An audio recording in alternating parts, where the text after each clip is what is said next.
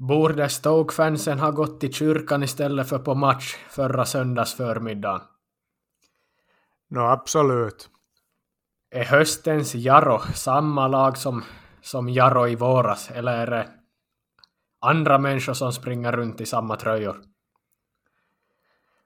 Ja, man skulle tro att det är andra människor, men största delen är det förstås samma gäng, men det ser ju ut som andra människor. Xabi Alonso har tagit över Leverkusen, där hans tidigare lagkamrat Sami Hypia också har varit tränare för. Tror du att Alonso kommer få en bättre tränarkarriär än Hypia? Ja, det tror jag nog faktiskt.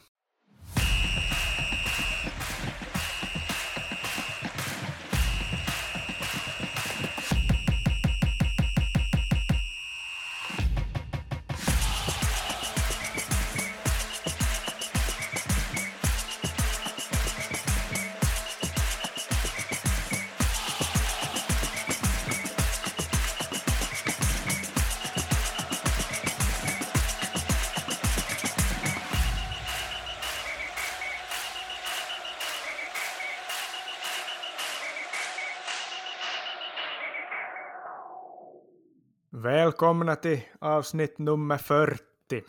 Vi firar lite minijubileum här då avsnittsmässigt och det är ju ett tag sedan vi senast har gjort ett aktuellt avsnitt. Vi körde ju ett lite specialavsnitt med fokus på Nottingham och kanske mest Nottingham Forest här i förra veckan då du diskuterade med Emil Gullblom om Nottingham och, och lite andra grejer.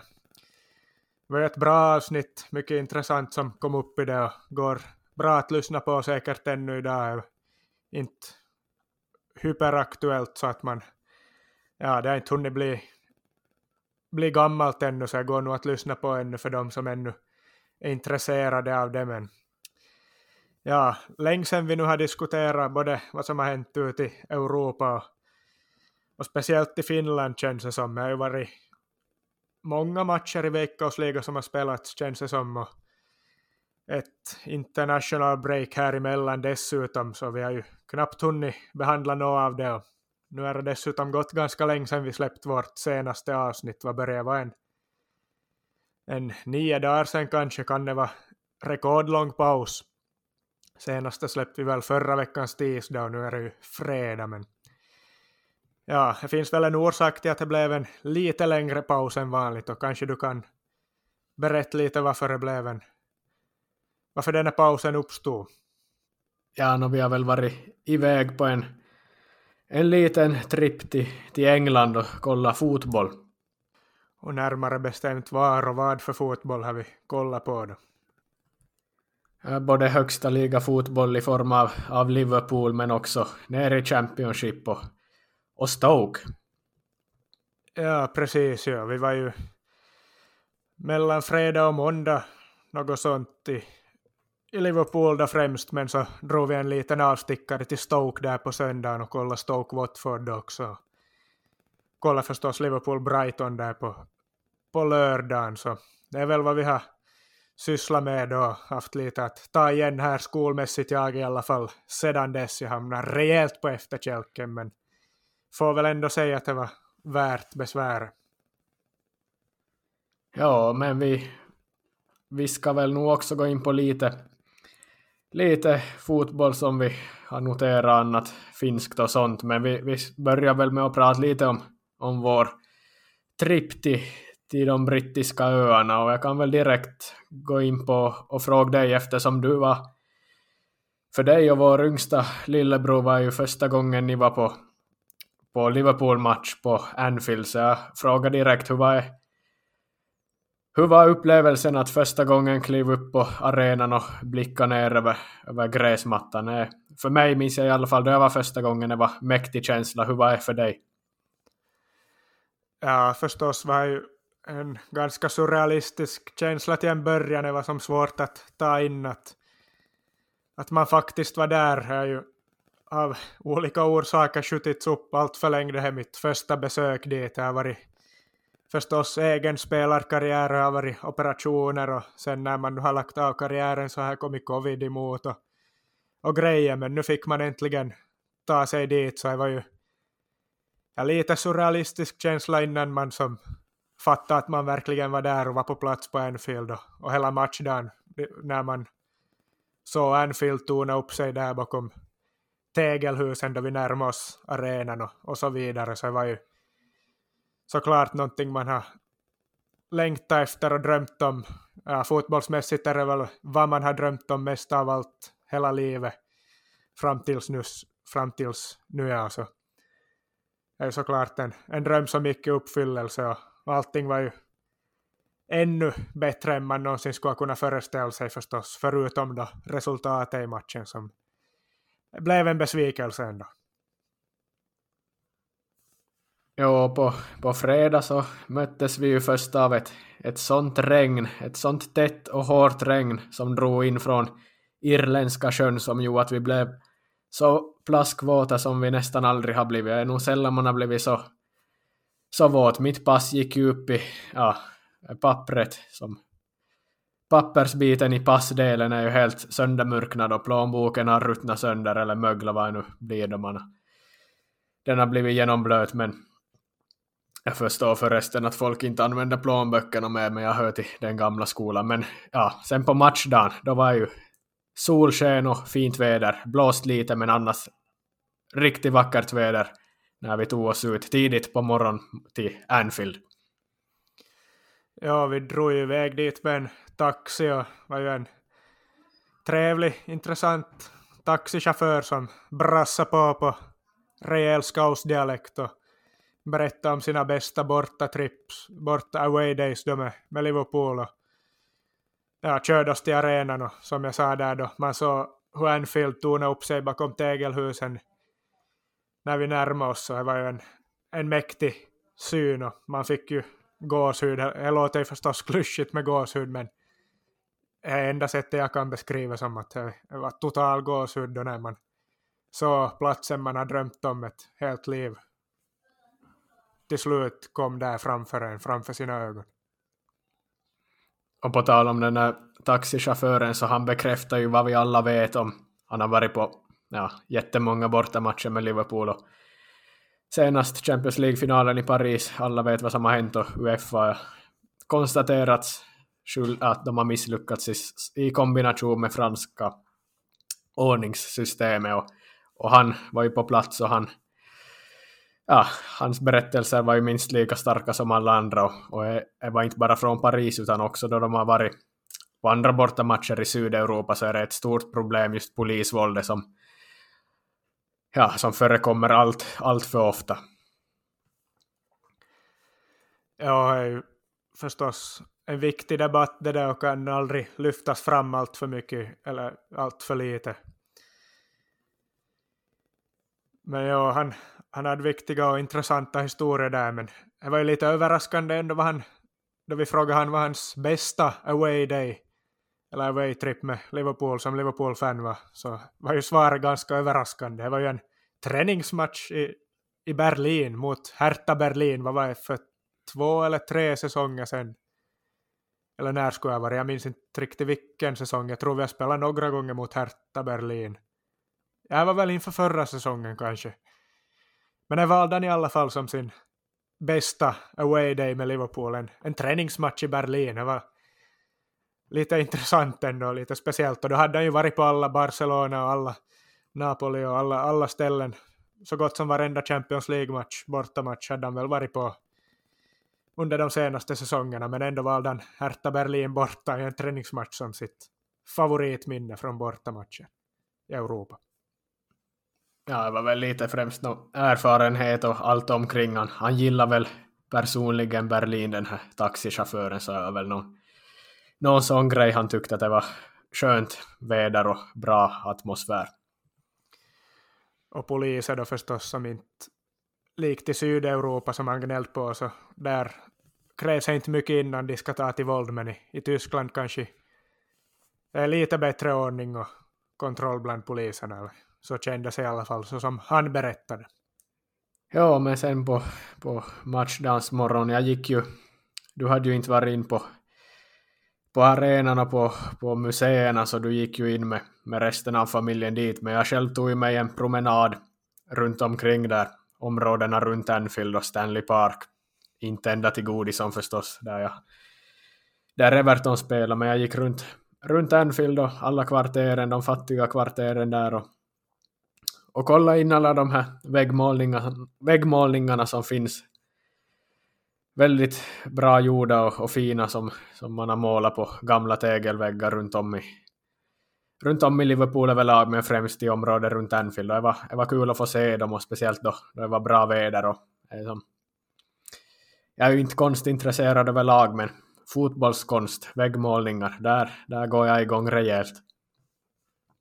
Ja, vi, vi kom ju sen ut från museet och den här stadiumtouren och, och kom och kolla på de här alla väggmålningarna vi också, så du fick ju koll på dem två gånger du till och med, men nu, nu är det ju mäktigt att se och, och roligt att de har bemödat sig med att pynta området runt den filmen med de här väggmålningarna, det är ju mäktigt och ja, som spelare måste det kännas oerhört mäktigt att få, vara en, få bli uppmålad på en av de där tegelväggarna då någonstans nära en film. så är ju är häftigt att de finns och, och en bra sak att de finns visa på, på en viss kultur och, och så vidare. Och det är ju ovanligt i England åtminstone, det förekommer såklart på, på andra ställen. Neapel är väl ganska känt för dess Maradona-målningar och så vidare, men i England är det ju, är det ju bara i Liverpool jag har sett de här i alla fall så här många.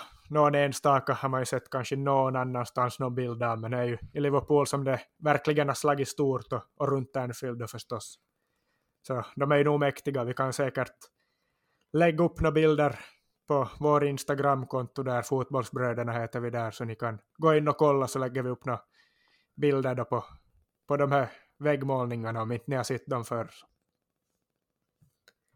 Ja, och sen innan matchen fick vi, vi, vi fick kolla in Phil Neal som höll ett tal inför, inför fansen där och skämtade om, om gamla tider i, i Liverpool. En av, en av klubbens främsta spelare genom tiderna, en spelare som har lyft så många europacup-bucklor som han, han inte ens har koll på räkningen och med, men ja, sen var det dags för match och det blev ju en chockstart. 0-2 till Brighton efter en kvart och då kändes det ju som att vad fan händer, nu blir det ju 0-5 när man, när man äntligen är, är tillbaks på Anfield så ska man få åka på stryk men ja, man var ju lite rädd där ett tag men Liverpool kom sen tillbaks i matchen och, och vände och då var det ett helt annat Liverpool i andra halvlek. Sen gör förvisso Brighton mål igen så blev det ju 3-3 men ja. För neutrala tittare så var väl säkert en, en, en rolig match och, och väldigt galen match men försvarsmässigt så måste man ju medge att det var dåligt från, från båda lagen. Det var ju dåligt försvarsmässigt från hela laget och, och Trent Alexander-Arnold har ju kritiserats av alla möjliga för sitt försvarsspel under den här säsongen och han var väl kanske värsta av alla i just den här matchen. Delskyldig till alla tre målen men det var ju nog inte bara hans fel utan jag tyckte att det var hela laget som inte fungerade i pressspelet. Det var ju ingen intensitet och ingen... Ja, när det inte klickar med presspel så då, då, då kan det gå riktigt dåligt och det har vi sett många gånger nu den här säsongen med Liverpool.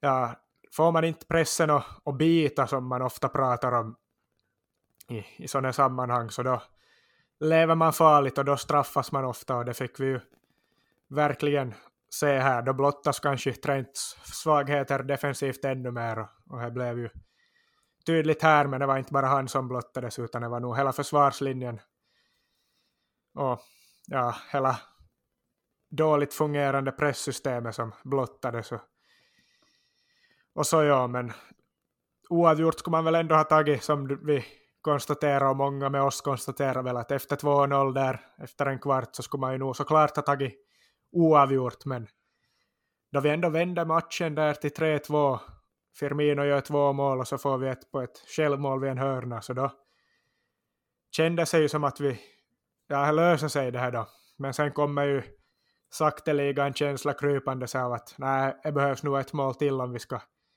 vi ska lösa det här. Så blev det ju bekräftat då också att det skulle ha behövts ett mål till för att ta tre poäng där då Trossard kvitterar med sitt hattrickmål. Ja, vi sätter oss i så svåra situationer gång efter gång den här säsongen och jag såg faktiskt en statistik här tidigare idag att Liverpool i Premier League hittills är det lag som har varit sämst av alla lag i hela serien i första halvlek av matcherna. Vi hamnar ju typ i underläge varenda match vi spelar nu för tiden, åtminstone i Premier League. Och många andra matcher också. Vi hamnar varje match i underläge och, och vaknar inte innan vi är i underläge, om vi ens vaknar. Så vi sätter oss i svåra lägen hela tiden och då får man skylla sig själv och då är det svårt att ta, ta många poäng om man ska börja varje match med underläge. Och där konstaterar vi ju båda att vi, vi ja, uppmanar Klopp att byta spelsystem för vi, vi känner inte att det riktigt funkar nu så klockrent som det borde göra så vi har väl förespråkat en, en ny formation och eventuellt en trebackslinje som kan bli fembackslinje i, i försvarsspel. Va? Kan du förklara lite bättre kanske? Ja, vi funderar ju på det här ganska snabbt efter matchen, men jag funderar lite mer och, och kommit fram till en exakt lösning hur jag skulle formera laget om jag skulle vara Klopp. Det är väl tur att inte jag är Klopp i, i många lägen, men om jag skulle vara Liverpool-tränare så skulle jag faktiskt pröva på en trebackslinje, att åtminstone försöka träna in den så att det finns som ett alternativ i vissa matcher. Man behöver ju inte spela samma formation i varje match nödvändigtvis. Man kan ju ändå ha samma spelstil och filosofi men ändra lite på formation och så vidare. Och nu ändrar ju faktiskt Klopp till, till Champions League-matchen mot Rangers till en 4-2-3-1 istället för 4-3-3. Med Henderson och Thiago som två sittande mittfältare då som mer håller sig centralt och sen fyra offensiva spelare som får blås på framåt mer då medan Henderson och Thiago kontrollerar mitten mer. För i mittfältet har vi haft stora problem med. Men ja, det blev ju 2-0 och gott resultat mot Rangers. Men jag tyckte Rangers var ju nog väldigt svagt lag, alltså riktigt dåliga. De skulle ha det svårt i, i Premier League om de skulle vara där. Så jag vet inte om man ska dra för stora växlar av det. Men förstås bra om det funkar med 4-2-3-1 men som vi var in på trebackslinje och då skulle jag vilja se en 3-4-2-1 eller 3-4-3 men de där två yttrarna skulle jag vilja ha mera centralt in i banan och då skulle jag väl formera det då Allison i mål förstås och sen trebackslinje med Konate när han är frisk, Matip och van Dijk. Och då skulle jag vilja ha Matip och van Dijk som de två på sidorna om Konate, Konate i mitten, för man brukar ju ofta göra så med trebackslinje att det är de två flankerande mittbackarna om man ska kalla det det som är de bollspelande mittbackarna. Och det skulle man ju se van Dijk och Matip som ja, båda har bra uppspelfötter och bra uppspel och Matip drar iväg på sina äventyr och van Dijk har sina crossbollar och Konate är kanske inte lika bra på, med fötterna och då skulle man kunna ha honom i mitten och, och spela runt bollen och, och så vidare. Bara fördela enkelt till sidorna. Och, och låta van Dijk och Matip sköta det svåra offensivt då. Och då skulle man då ha tre mittbackar som hela tiden står där som en stabil mur. Alltså van Dijk, Konate, Matip. Håller du inte med mig om att det är en ganska ramstark trebackslinje? Ja, och främst eftersom ja, främst högerbacken Alexander Arnold men även Robertson ofta sticker iväg på offensiva äventyr och inte hinner tillbaka så skulle det vara bra att ha tre backar där. Men det är nog en, ja, det är som att gå över till ett nytt spelsystem, men man tycker ju att det, det inte skulle vara så svårt att gå, gå över att man, de är så skickliga spelarna ändå att man snabbt kan anpassa sig, men det är nog när man har kört med samma system så länge så är det ja, många tränare vägrar ju att, att byta system ofta, så är ju ja, frågan är hur, hur, hur det utvecklar sig, men om man fortsätter att släppa in mål efter mål så då är det ju nästan ett måste. Ja, just för det här att det blir ofta kanterna som lämnas lediga när Robertson eller oftast då Trent har gått för högt upp i banan och inte hunnit tillbaks ner. Och då skulle det vara perfekt att ha en extra mittback där som man kan skicka ut på de, ja, de ytorna och där motståndarnas ytteranfallare ofta kommer där de är fart så kan vi möta det med, med både fart och spelförståelse. Van Dijk och Konate är ju båda snabba som bara var. Matip är ju inte lika snabb men han är ofta bra på att läsa de här situationerna och falla i rätt tillfälle och, och vinkla kroppen rätt och så vidare för att inte släppa till farliga lägen trots att han möter snabba motståndare. Och då skulle det här trebackslinjen skulle då Tillåt Robertson och Alexander Arnold att sköta bredden och bara brassa på ännu mer offensivt och göra det de är som allra bäst på då.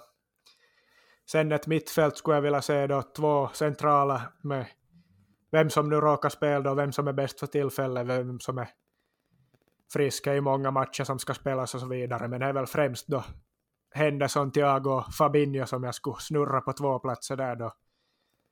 Och sedan offensivt i banan, där har vi också haft en del problem tycker jag. Och då skulle jag vilja ha tre spelare där som tidigare, men att man drar in Salah som är den här högeryttern då, och sen vem vi nu har till vänster, oftast har ju varit Diaz, men det kan också vara Jota.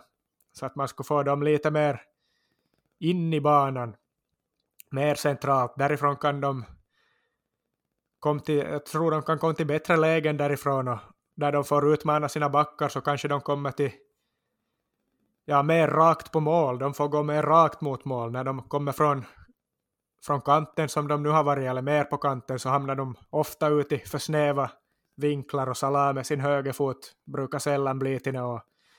Och Diaz tycker jag ännu inte heller gör tillräckligt mycket poäng, så att få dem in mera centralt i banan skulle kunna vara ett ett alternativ som jag ser som möjligtvis lyckat och låt då ytterbackarna eller wingbacksen Trent och Robertson sköt bredden. Och sen då en spjutspets där då, en tydlig spjutspets i som vem det nu är då, om det är Jota eller om det är Nunez eller Firmino då, vem som nu råkar vara i bäst form och bäst skick och så vidare många matcher så kan ju roteras på de där positionerna. Det är väl mest Salah som har bara en självskriven roll där på sin höger ytterposition. Men om vi skulle ha två mer centrala yttrar eller yttrarna mer indragna så skulle de ju också kunna mer bidra till pressspelet in i banan centralt och styra ut motståndarna. Nu har vi ju haft, ja om vi skulle gå från 4-3-3 till 3-4-2 har vi ju mitt i allt bara två mittfältare och ofta har vi ju satt mycket press från mittfältet men då skulle vi ju ja, på pappret bara ha två centrala mittfältare som kanske mer måste hålla sig centralt då men om de får hjälp då av de här två indragna yttrarna så blir det ju nästan fyra där och ganska centralt i banan som kan dra den pressen då med trebackslinjen bakom sig dessutom som ganska ramstark. Så. så jag ser det här systemet som ett ganska ja, jag ser inte några stora svagheter i det här systemet, men förstås Klopp är inte någon som så vitt jag vet aldrig har spelat trebackslinje vad jag kan komma ihåg, så han lär väl nog kriga vidare med fyrbackslinje och kanske 4-2-3-1 det blir intressant att se vad han gör mot Arsenal nu i helgen om vi går tillbaks till mer 4-3-3 som vi är trygga vid men som inte har funkat eller om vi vågar fortsätta med det 4-2-3-1 som funkar mot mot Rangers, men ja, jag skulle i alla fall vara sugen på att testa 3-4-2-1 då i, i vissa matcher, att man skulle kunna träna in det och ha det som ett alternativ för, för när det skulle vara ett, det bäst, bästa alternativet. För ja, alla matcher är olika, alla motstånd är olika och då kan det behövas olika system. Så ja, jag kan lägga upp det här också på vår Instagram hur jag formerar laget ifall det inte blev helt tydligt, men ni kan ju följa oss där då. Så får ni koll på både här, det här, min idé om hur, hur jag skulle formera laget i trebackslinje med, med de här väggmålningarna som vi var in på tidigare. Och ett annat lag som kör, kör med ett eget system är ju Brighton motståndarna också som, som ja, i flera år har nu börjat etablera sig som ett, ett hyfsat Premier League-lag och vi har ju imponerats av Graham Potter som nu har lämnat laget men nu fick vi ju se Brighton i sin första match med nya tränaren Roberto De Serbi och är ju en upphypad tränare från Sassuolo i Italien där han gjorde jättebra. Och nu fick vi se, se prov på hans Brighton också, är ju verkligen med risk man spelar och är ju nästan ett extremt lag som han försöker, eller sätt han försöker spela fotboll på, men skulle Brighton ha lite bättre spelare så skulle det här kunna räcka väldigt långt. Man är ju uppe i toppen av tabellen nu med några andra lag, men man kommer väl, eftersom man kommer göra så många mål framåt, så med det Serbi vet man också att det kommer läcka rejält bakåt, så man kommer ju, det kommer vara fram och tillbaka, både smälla i båda delarna av plan, men börjar tänka efter, eftersom de spelar så här vågat, så om Brighton skulle ha lite, lite bättre spelare, kanske främst i, i, i bakre led, så skulle man kunna bli riktigt ett, ett sådant lag som utmanar gång efter gång på övre halvan i alla fall. Jag märkte väl också att det var, även om det var första matchen för De Serbi så var ju, hade han verkligen velat få in någonting i, i sitt nya lag. Ja, eh, påminner mycket om, eller till viss del åtminstone om hur Sassuolo spelade under hans tid där och är många som kanske inte har kollat på Sassuolo så mycket genom åren men men för vi som har kollat så kan vi ju konstatera att eh, vi såg redan likheter där och förstås fanns det ju redan vissa likheter mellan hans stil och, och Graham Potters stil.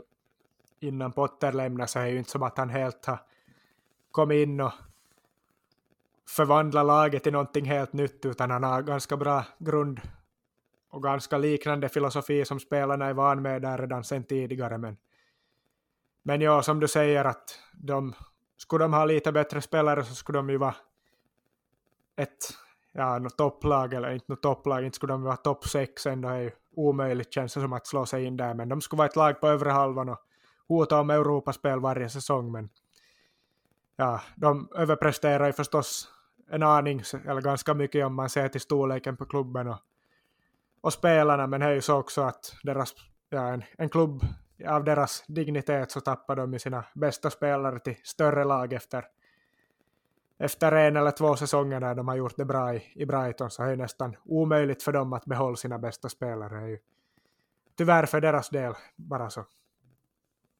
Jo, De Serbi är ju en, en, en, tränare som vill vara med. Han har ju inga sån här försvarstränare eller anfalls eller fasta situationstränare som, som har hand om de bitarna, utan han har ju han är med på allt på varje träning i alla delar så han har ju verkligen han är som går all in på i hela laget och vill verkligen ha kontroll över allt han gör och det blir faktiskt intressant att se om han kan lyckas i, i, i England med det för taktik har han ju koll på i alla fall. Men innan vi slutar prata om den här matchen vad är någonting du noterar som du tyckte var speciellt att se på plats? Jag kan ju nämna i alla fall vad jag tyckte att som man inte ser på TV är ju att Alisson ofta var ja, men till och med en gång över halva plan när Liverpool hade ja, etablerat sig offensivt eller hade några fasta situationer där på offensiv plan. Men Alisson, hans utgångsposition som målvakt var som ännu högre än vad man skulle tro.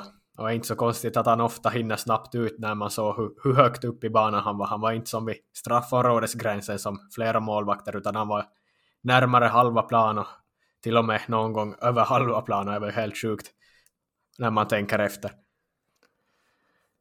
Ja, no, ja, det är ju den moderna målvaktsskolan går väl mycket ut på att vara långt ut och så vidare. Men ja, när man är van med att se på tv och, och nu så här i verkligheten så är ja, lite hajar man ju till ända fast man nu vet vad, varför han gör och förstår allting och, och så vidare. Och han gjorde ju en jättebra match han fast han släppte in tre mål. Han gjorde några jätteräddningar. Han skulle kunna stå säkert 5-0 efter ja, första halvtimmen eller något sånt. Det var nog mycket tack vare Allison som det blev en poängens i den där matchen och att vi kom tillbaks där för han höll nu oss kvar i matchen. Men ja, inte vet jag om jag hajar till över någonting, vad jag nu kommer på som det spelmässiga detaljer, det var kanske att Jotas pressspel när han kom in, att det, man har lite funderat ofta att han, ja här pratas ju mycket om att han är bra på att pressa, men inte ser man ju så tydligt alltid i tvn, men, men man såg nog faktiskt nu bra i, när han kom in att ja, han hela tiden rörelse och hela tiden och stressa motståndarna och, och så vidare. Så han var ju en av dem som faktiskt satt press på motståndarna och var där han då, men sen om de spelade förbi han så, så var ju ofta mittfältet som kom för sent och så blev det problem då det inte synkade. Men Jota jobbar faktiskt stenhårt. Fick man se nu också.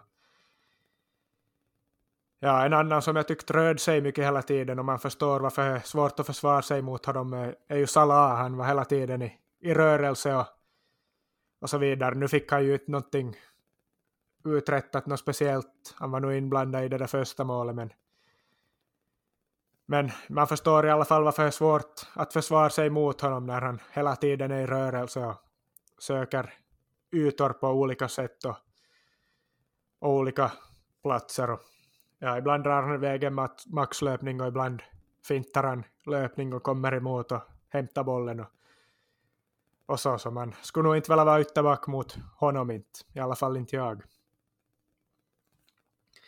Ja, men vi lämnar väl Liverpool-matchen där. Och på söndag var ju sen dags för, för derby i Manchester. Men vi var inte där utan vi åkte till, till Stoke istället. Och där tog hemmalaget Stoke emot Watford i, i, i Championship. Två klubbar som för några år sedan var i Premier League men som så här klassiskt så är det väl nog ett, ett, ett Championship-möte. är ju två sådana typer av lag och det var väl 14 placerade Watford mot 17 placerade Stoke som möttes till en lite så här ångestdrabbning. Båda lagen har fått dåliga starter på säsongen och vill hitta tillbaka till, till någon form av resultat och spel och för att kunna nosa på uppflyttning. Men ja, Stoke de var ju tio säsonger i Premier League när de steg 2008 och föll 2018 sen. Men sen när man harvar runt i Championship i, i flera säsonger och är ju inte så mycket som tyder på att man, man kommer komma tillbaka på flera år för nu, nu var man rejält svaga när vi var och kollade på dem på, på Britannia Stadium som är hett förr men Bet365 Stadium som är heter nu för tiden. Ja, 0-4 hemmaförlust och mycket, mycket missnöje, alltså riktigt stort missnöje bland hemmafansen, hemmapubliken. Och det var ju inte så stor publik heller, lunchmatch på en söndag, underpresterande hemmalag, så det var ju gott om plats på läktarna, men de som väl var där, de var inte alls nöjda med sitt lag. 0-4. Ja, vad blev det? 0-1 kom ju tidigt, det var väl ett offside-mål, den här Sarr som ju är bra i Premier League för Watford är väl egentligen bättre än Championship-kvalitet. Han nickade in ett mål som nu egentligen var offside, men det var ju skönt att få vara på en varfri match där och, och målet godkändes ändå. Så det blev ju tidig uppförsbacke för Stoke. Första halvlek var nog... Ja, man jämförde ju såklart med Premier League-matchen dagen innan och Liverpool mot Brighton.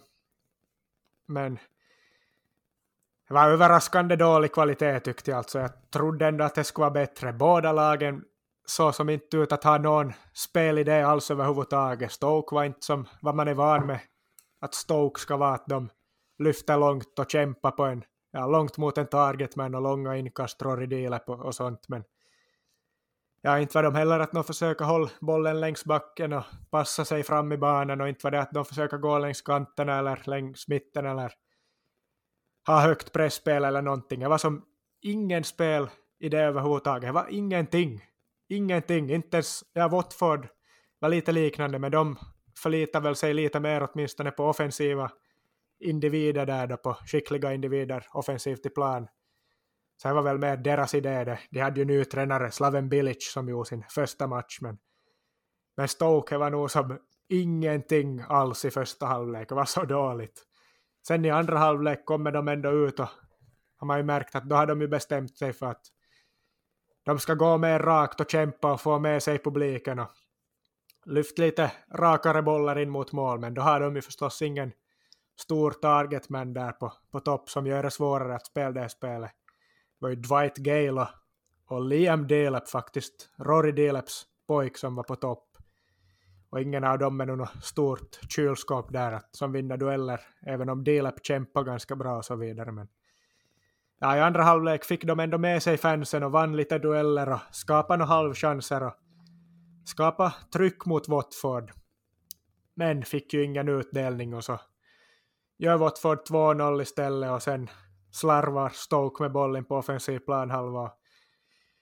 Och jag leder till 3-0 för Watford då. Det var väl i 75 minuten eller så. Då reste sig folket upp och gick från arenan. Det var väl säkert hälften av publiken som lämnade arenan vid 3-0. Totalt missnöje. Jo, innan matchen så, så hörde jag på några fans som pratade med varandra. Det var en, en, en Stoke-supporter, Steve, ungefär en 60-70-årig gubbe som, som kom gående där och så träffade han någon kvinna som, som frågade honom Steve, you should be in the church. It's Sunday morning.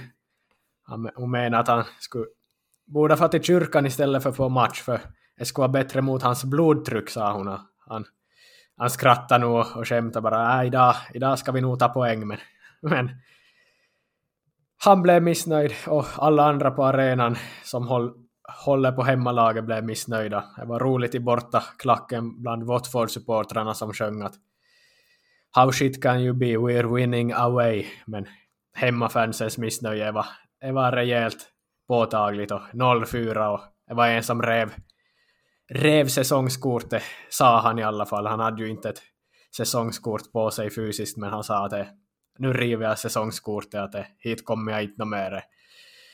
You're not fit to wear the shirt, sjöng de, och, eller ropade de väl främst att det, de förtjänar inte att bära tröjan, de här spelarna. Det var ett, ett så dåligt Stoke. Och, och det märktes ju nog att det här Stoke som vi är van med, som var upp tio säsonger i Premier League, att vilken typ av fotboll de spelar var ju raka bollar och hårt kämpande. Man, man spelar destruktivt men man, man gjorde på sitt sätt och man gjorde i alla fall hårt och kämpa in i, i betongväggar varje gång. Och nu var ju inte ens ett sånt ståg utan det var bara ett dåligt och man, man ville verkligen tillbaks hörde man på både på och runt om arenan att man vill, vill tillbaks till det gamla Stoke och till, till, den typen av fotboll som ändå ger lite mer resultat än vad man får se i, i dagsläget. Ja, i bilen på väg tillbaka till Liverpool hörde vi då vi satt i bilkön där bort från arenan på någon lokal radiostation där då fans fick ringa in och ge synpunkter på matchen och det var väl en som ringde in och önskade att Tony Pulis skulle borde tas tillbaka som Stoke-tränare för att han är den enda som, som kan få ordning på situationen med, med sin fotboll. De som minns Tony Pulis så vet ju precis vilken fotboll det var. De som minns Tony Pulis i Stoke minns exakt vilket Stoke det var. Det var ganska långt ifrån från det nu. Det var nog bara, bara ett dåligt Stoke som du, som du var in på här. Ja, arenan också. Bet365 Stadium, den tyckte jag också var ganska dålig. Är nog inte någon man kanske skulle rekommendera fotbollsturister att ta sig till, eller vad säger du, långt utanför stan på en bara stor grå parkeringsplats, ingen, ingen fin plats och ingen bra plats att ha en arena på. Själva arenan var väl inte heller något märkvärdigt bra eller fin. Äh, man byggde ju den, eller öppnade den 1997, för hade man ju arenan in i stan och men fast den har stått där nu i 25 år så känns det som ändå som att det inte har riktigt satt sig i, i, i omgivningen runt omkring. Men, men ja, överlag var det ju ändå roligt att vara på, på Championship och lite mer äkta fotboll. Stoke mot Watford och inte, inte all glamour som vi ser i, i, i de största husen. Men ja, vi kan väl konstatera att statyerna på Gordon Banks och Sir Stanley Matthews skulle ha gjort det bättre än, än spelarna på, på plan för Stoke den, den här matchen. Definitivt, ja. Vi konstaterar väl också att Stoke måste väl vara den stad i hela Europa eller kanske till och med världen där det är kortast medellängd på frisyrerna hos, ja åtminstone hos det manliga könet. Vill du ge någon närmare analys vad du som konstaterar? Nej, no, det var ju en, en, en, annan podd som jag hört på så pratade de eller skämtade de någon gång om att det, det var en som hade varit i Stoke då, att tandlösheten är, är, är stor i Stoke, att det är många som saknar tänder, att det är som hårt arbetande människor som, som lider där. Och, och det märktes ju faktiskt, det var många som saknade tänder. Även bland kvinnliga kön, inte bara bland männen, det var också kvinnor utan tänder där som, som gick runt och, och ropade och svärd. Men medellängden på frisyrerna var nog inte många millimeter, det kan vi ju konstatera bland, bland männen. Det var, det var antingen hade de inget hår alls eller så hade de raka skallen eller så var det no, några strån som växt sådär fult på, på gässan där. Och det var ju verkligen ingen modeshow men det var, det var ändå äkta och, och fotboll när det på ett annat sätt än, än, ja, än i Champions League. Ja, det var ju faktiskt en äkta och, och på det sättet mäktig upplevelse. Ska man nu ge en bilden av en typisk Stoke-anhängare så är det väl en 65-årig gubbe, tunnhårig slash flintskallig, överviktig, lite kort, barsk, brysk, tandlös och klaga på, på det mesta som går att klagas på på sitt eget hemmalag. Så är väl som man skulle summera en Stoke-anhängare. Så verkar de flesta människorna från Stoke-on-Trent som orten heter se ut. Ja, och så lägger vi till ett, ett högt blodtryck där också så, så får ni en, en klassisk Stoke-supporter. Men vi kan väl ännu nämna att det var ju vi fick ju biljetter för 20 pund, så det var ju, det var ju inte alls någon dyr affär om vi jämför med, med Liverpool-matchen. Och 20 pund är ju som, ja, är nästan som att gå på, på fotboll i Finland, där du sa ju att det kostar 20 euro att få på TPS för en studerande här i något skede, så det var ju absolut förmånligt att få biljetter till, till Stoke. Det är väl ett lag som faktiskt sen de steg till Premier League 2008 ha, inte har höjt biljettpriserna och är ju en, en fin gest mot, mot folket som, som inte vill pröjsa hundratals euro för, eller pund för biljetter. Inte ens när de var uppe i Premier League. Ja, nej, eh, ska de ha creds för som man säger. Ja. Har du någonting mer om resan till de brittiska öarna att tillägga eller ska vi röra oss mot andra delar av världen? Finland ska vi också hinna med idag. Kan du säga att, att jag kände i alla fall som så att i, i Liverpool så jag har nog aldrig känt mig så hemma på en plats bland, ja, så sett till hur folkets attityd och människorna och attityden till fotbollen, mentaliteten, allting kretsar kring fotboll, Liverpool och folket lever för klubben och där kände jag ju mig verkligen hemma och någonting man på riktigt kunna identifiera sig i. Det har man aldrig kunnat på, på finsk mark eller någon annanstans på samma sätt som man kunnat göra i, i Liverpool. Så det var ju fint att man fick ett nytt hem på en annan plats i jorden. Såklart identifierar jag mig nog också som österbottning och korsholmare och känner mig som hemma där också. Men det var på ett annat sätt man kände sig som hemma i, i Liverpool där. Ja, det kändes som att man hittade sina jämlikar på ett, ett helt annat sätt än vad man har gjort på andra platser i, i världen. Jo, nej, det är alltid speciellt att komma tillbaka dit och, och, att få vara del av ett, ett sammanhang där. In, inte att man sitter med, med en eller två personer som håller på Liverpool, utan man är en del i ett större sammanhang med, med 50 000 som har, har samma, samma känslor för klubben. Men ja, det sista vi kan nämna från resan är väl att vi såg Everton-spelaren Alexi Vobi på en, en restaurang där han var ute och åt med en, en blond tjej och vi kollade lite upp på hans privatliv. Det, det verkar lite som att vi skulle, skulle vi avslöja det här till någon sån där skvallerblaska så skulle jag kunna bli en stor grej av det, men vi väljer att inte, inte göra det för respekt för Iwobi, men vi bryr oss inte heller särskilt mycket om honom eftersom han spelar i det blåa laget från Liverpool, men han kom in på en restaurang där vi åt, men vi får väl lämna England där och, och gå tillbaks lite till inhemska fotbollen där jag i alla fall inte har haft så bra koll på, på vad som har hänt, men i alla fall har jag noterat att Jaro bara inför helgen nu, avgörande helgen i Ykkönen, är en poäng efter TPS i tabellen. Och KTP har ju redan stigit, gjort, gjort sitt jobb och gått upp till, till finska veikkausliga, men andra platsen, kvalplatsen, så slåss ju Jarro med, mot TPS om och, och, vi får se vem som drar det längsta strået där i helgen, men är intressant i alla fall att Jarro har blivit ett helt annat lag under höstsäsongen gentemot på våren när man halkade efter rejält och skulle man bara ta i tillräckligt med poäng då så skulle man ju ha minst säkra en kvalplats nu känns det som. Ja, där ska ju tilläggas förstås att TPS har ju underpresterat och någonting enormt ändå sett till, till den spelartrupp och, och det som de har. Om man jämför med, med alla andra lag i serien så har de ju klart bättre och bredare truppen eller kvalitetsmässigt bättre truppen än alla andra lag i serien tillsammans nästan, känns sig som. Men ja, Jonathan Johansson rattade ju dem fram tills för någon vecka sedan då han fick sparken.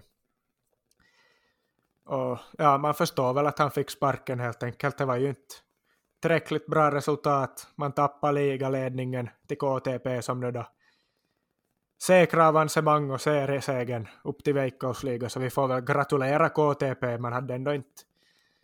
Jag hade i alla fall inte dem som en förhandsfavorit på, på så sätt på, på förhand innan säsongen, utan jag trodde nog jag skulle stå mellan TPS och Jaro.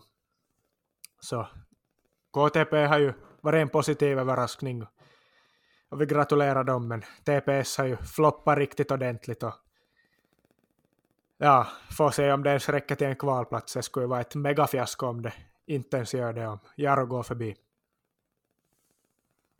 Ja, och på, på damsidan så vann ju Åland United sin tredje raka kupptitel. Man är, man är laget som slår alla i, i finska kuppen. Man har, en, har vunnit ligan också på senare år, men, men där är det Kups som, som springer ifrån alla den här säsongen. Men, men Åland United vann kuppen för tredje gången och i finalen slog man HJK och HJKs legendariska spelare på damsidan i alla fall, Essi Sainio, hon har ju meddelat att, att karriären är över nu efter säsongen och är ju i finska mått mätt en, en stor spelare, även om hon nog inte har gjort det så, så bra utomlands som, som andra, som de allra bästa finska damspelarna, även om hon har vunnit en, en ligatitel i, i Tyskland för länge sedan i, i Turbin Potsdammen, är främst i inhemsk fotboll som hon har blivit en av de, de stora och, och, och, en riktig ikon i, i HJK. Så hon, hon lägger av och kommer väl bli saknad i, i den blåvita delen av, av huvudstaden.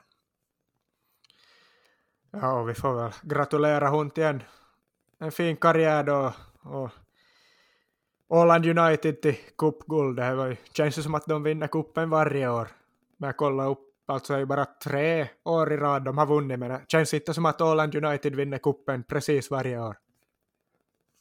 Ja, inte är det väl någon annan som rör den pokalen.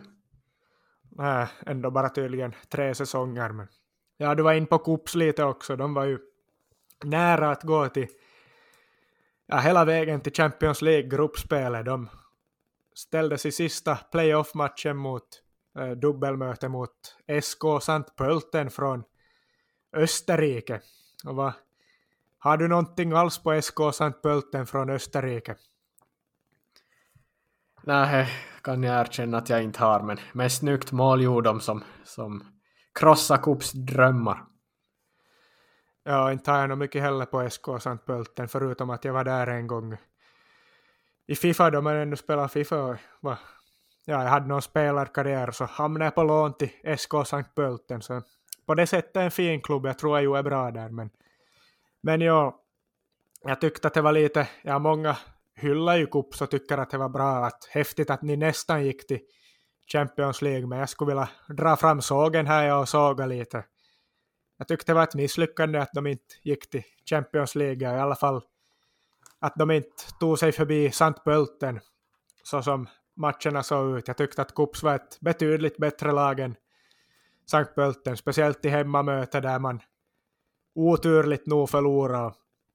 Och sen bortamöte då tar man det till förlängning men i sista minuten gör, gör de ett drömmål då får man säga som skickar ut Kups men ja, Kups skulle inte behöva sätta sig i den här situationen men de skulle ha bara gjort mål på sina chanser och spela så bra som de har kunnat spela i många matcher alltså. Skulle de ha åkt ut mot Anderlecht eller någon no större klubb då skulle jag ju ha varit helt OK med det och förstått att då är det ingenting till att dra fram någon såg och såga dem för, men att ja, när man får drömlottningen och ställs mot Sankt Pölten som jag tyckte att var riktigt dåliga, no, riktigt och riktigt dåliga, men ett klart sämre lag än Kups.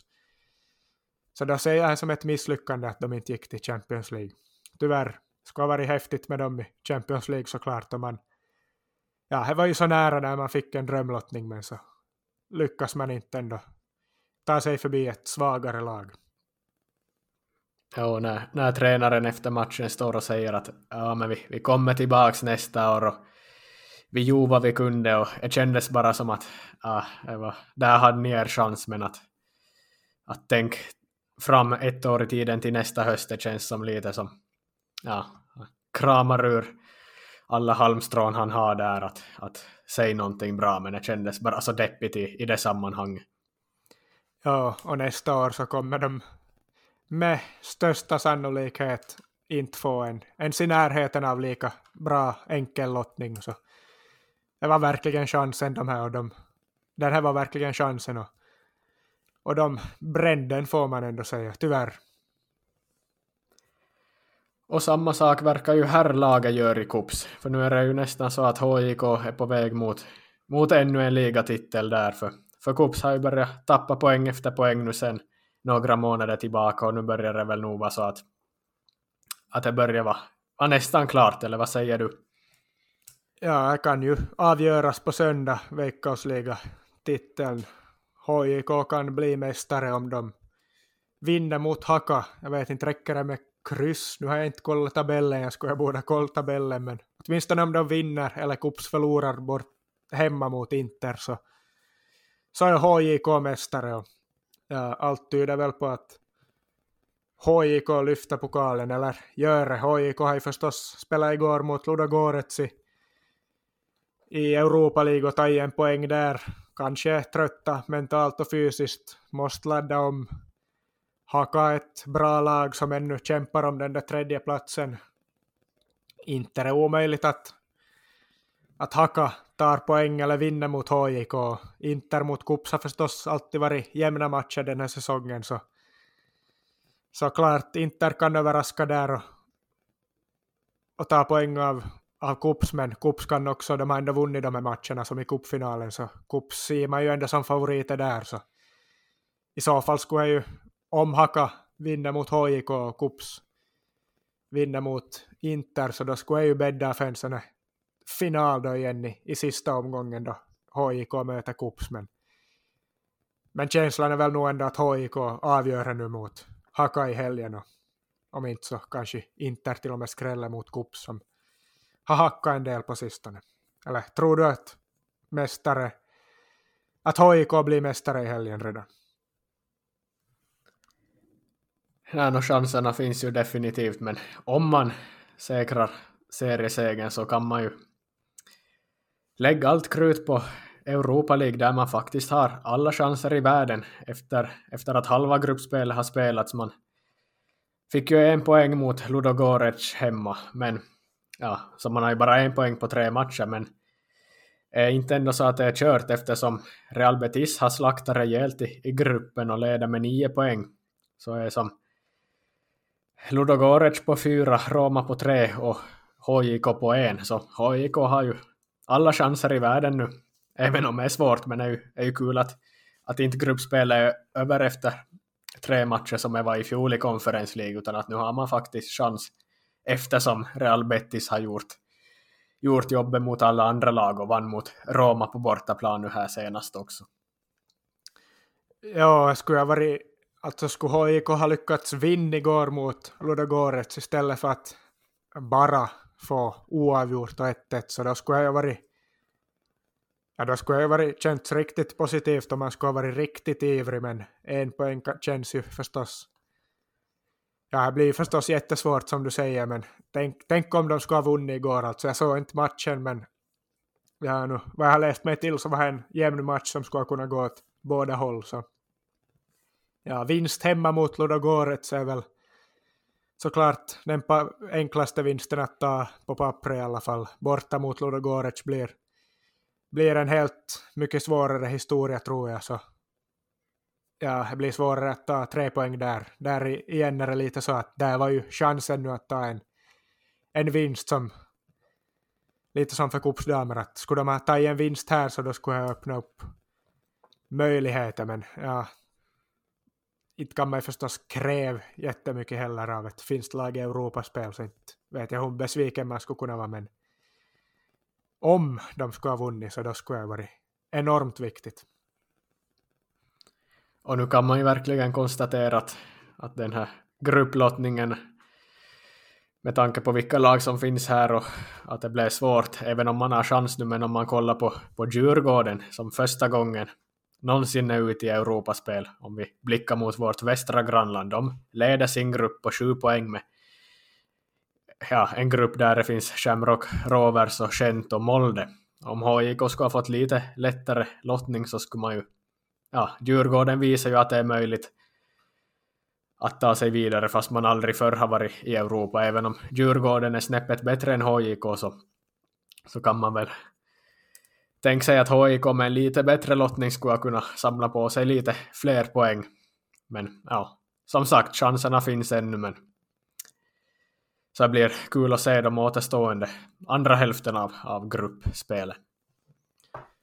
Ja, i Djurgården får vi väl passa på att ge beröm åt Rasmus Schülle då också som har gjort det bra där hela säsongen och, och förstås varit en viktig del på mittfältet och att laget har fungerat och gjort det så bra som de har gjort hittills i Europa League så det skulle vara kul för ja, både svensk fotboll och för, för Schüller och våran del då förstås finsk fotboll om, om Djurgården kan ta sig vidare där. Men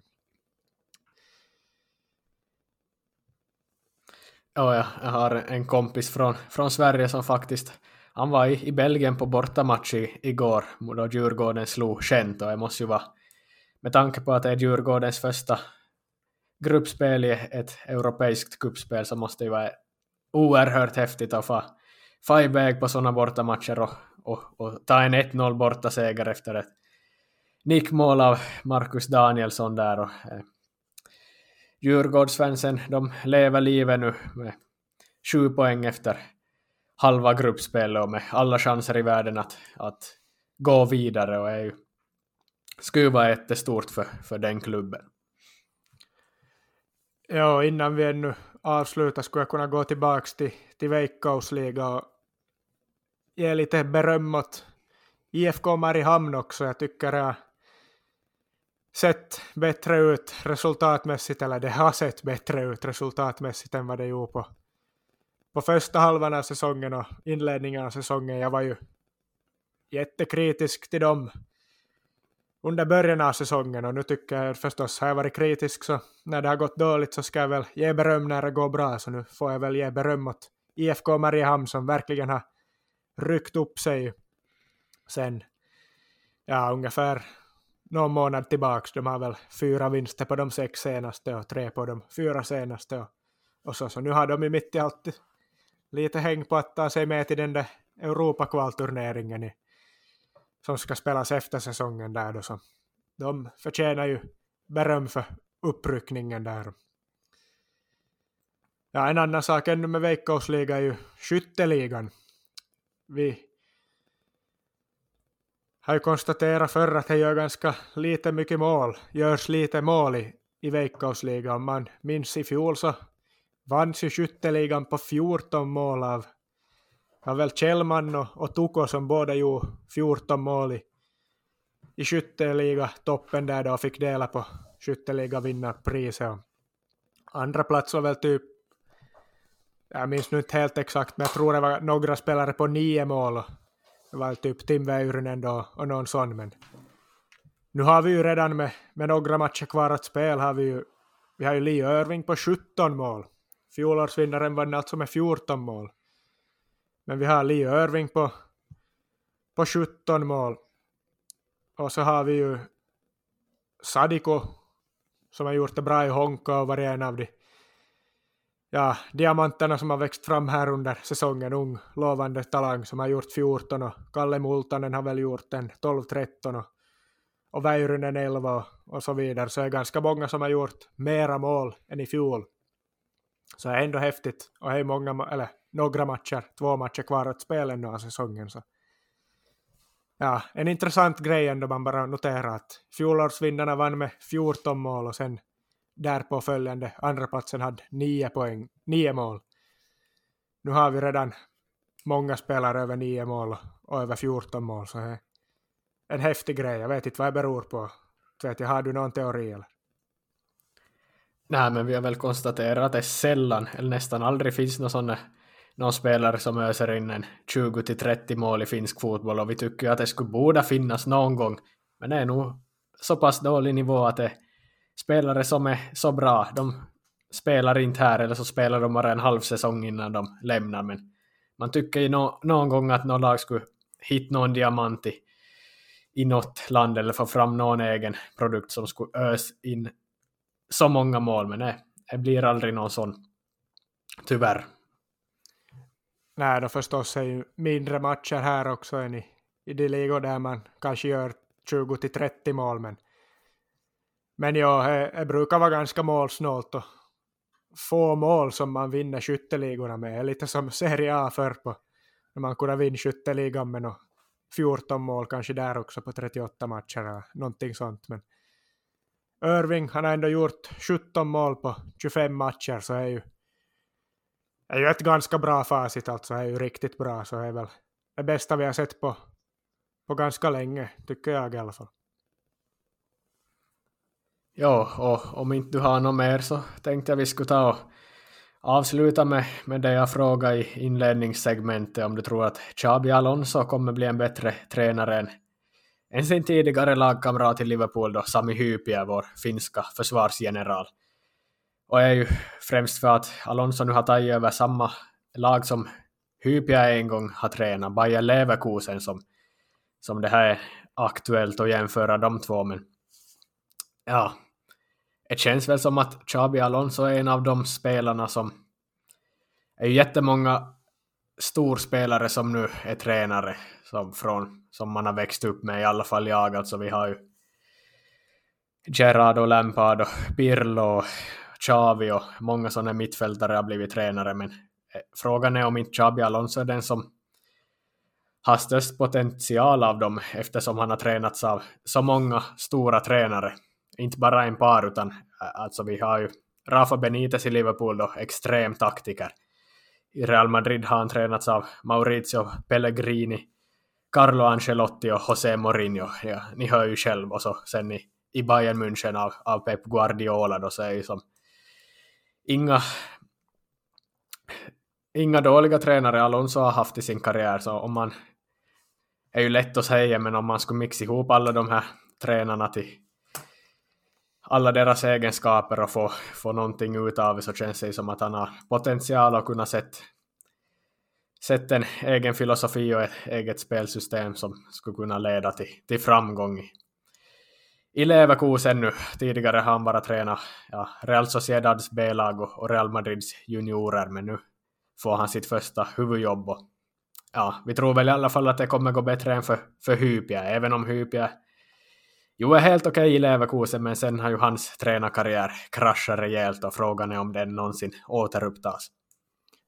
Ja, Hypia får vi väl förresten gratulera. Han fyller ju år idag, 49 år, så vi gratulerar Sami Hypia på dagen.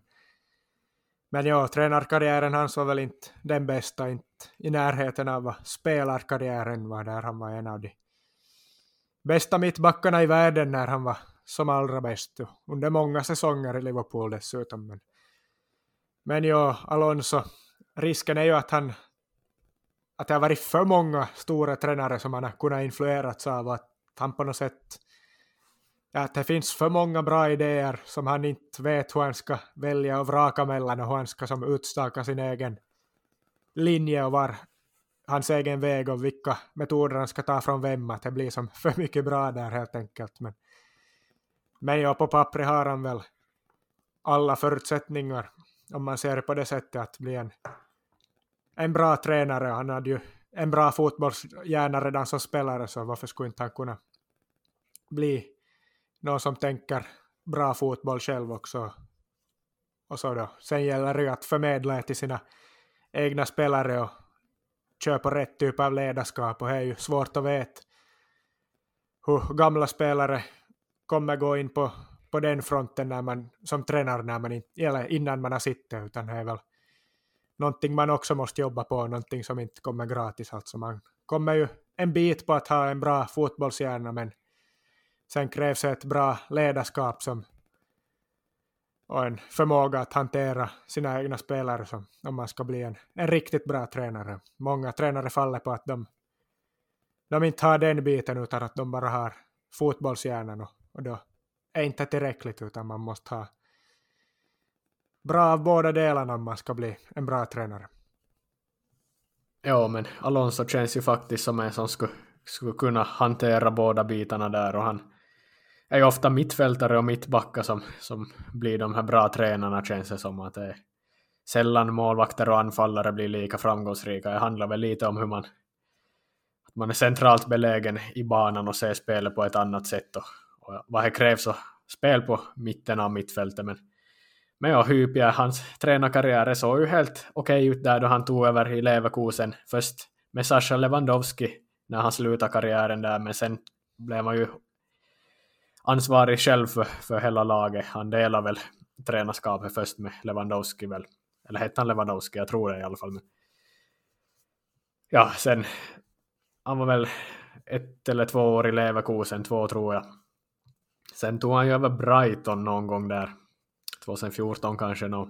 Det gick ju riktigt dåligt och sen blev det ett äventyr, det var ju Championship, Brighton i Championship, men sen blev det ju Zurich i Schweiz och, och där så Johan väl så dåligt så att de degraderades till och med sen när han hade lämnat klubben på, på sista plats i tabellen. Och sen hade han ju någon märklig session som assisterande tränare i Haka här för något år sedan. Men Hypias tränarkarriär känns väl nog nästan som att den är förbi nu. Vi, vi följer ju han på sociala medier och har ju noterat att han nu främst han, han lever livet han att på vintern kör han snöskoter och åker slalom och på sommaren han, han kör mycket motocross och, resa reser mycket och, och lever livet. Så det känns ju som att, och så är han ju expert i tv ofta också, så det känns ju som att hans tränarkarriär att den är på paus och knappast kommer att återupptas.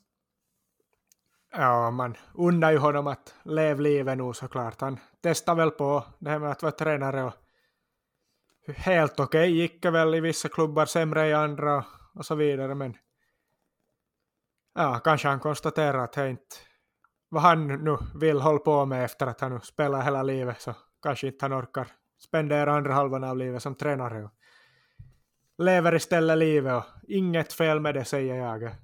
Skulle gärna vara Sami Hypie och leva livet så som han verkar njuta av, av mycket av sitt liv. När man följer honom på, på sociala medier. Alonso får ju en intressant match direkt med Leverkusen jag vet inte om det är på lördag eller söndag när matchen spelas. Lördag tror jag, men det är ju Leverkusen mot Schalke i helgen och det är ju ett båda lagen som är lågt ner i tabellen har väl inte presterat så bra som man skulle önska. Leverkusen förstås långt lägre ner än vad de skulle borde vara, vad de vill vara.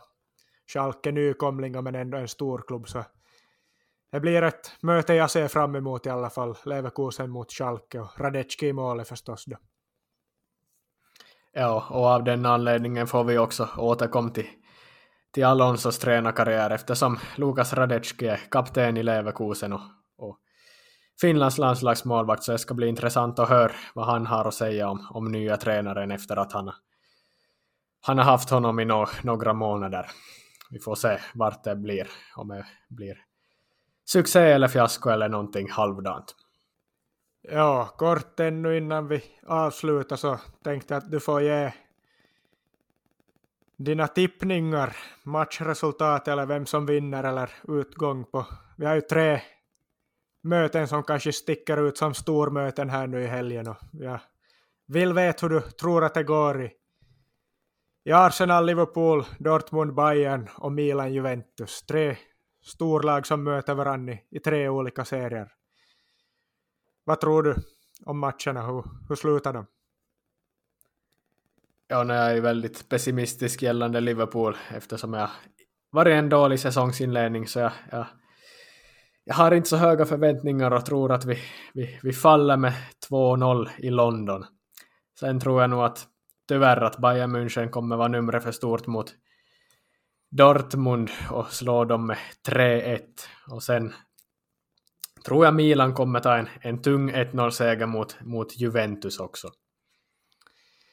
Ja, vi får väl se om du fick rätt och hur många du fick rätt av när vi återkommer nästa vecka. Säkert i början av veckan kommer det väl något avsnitt.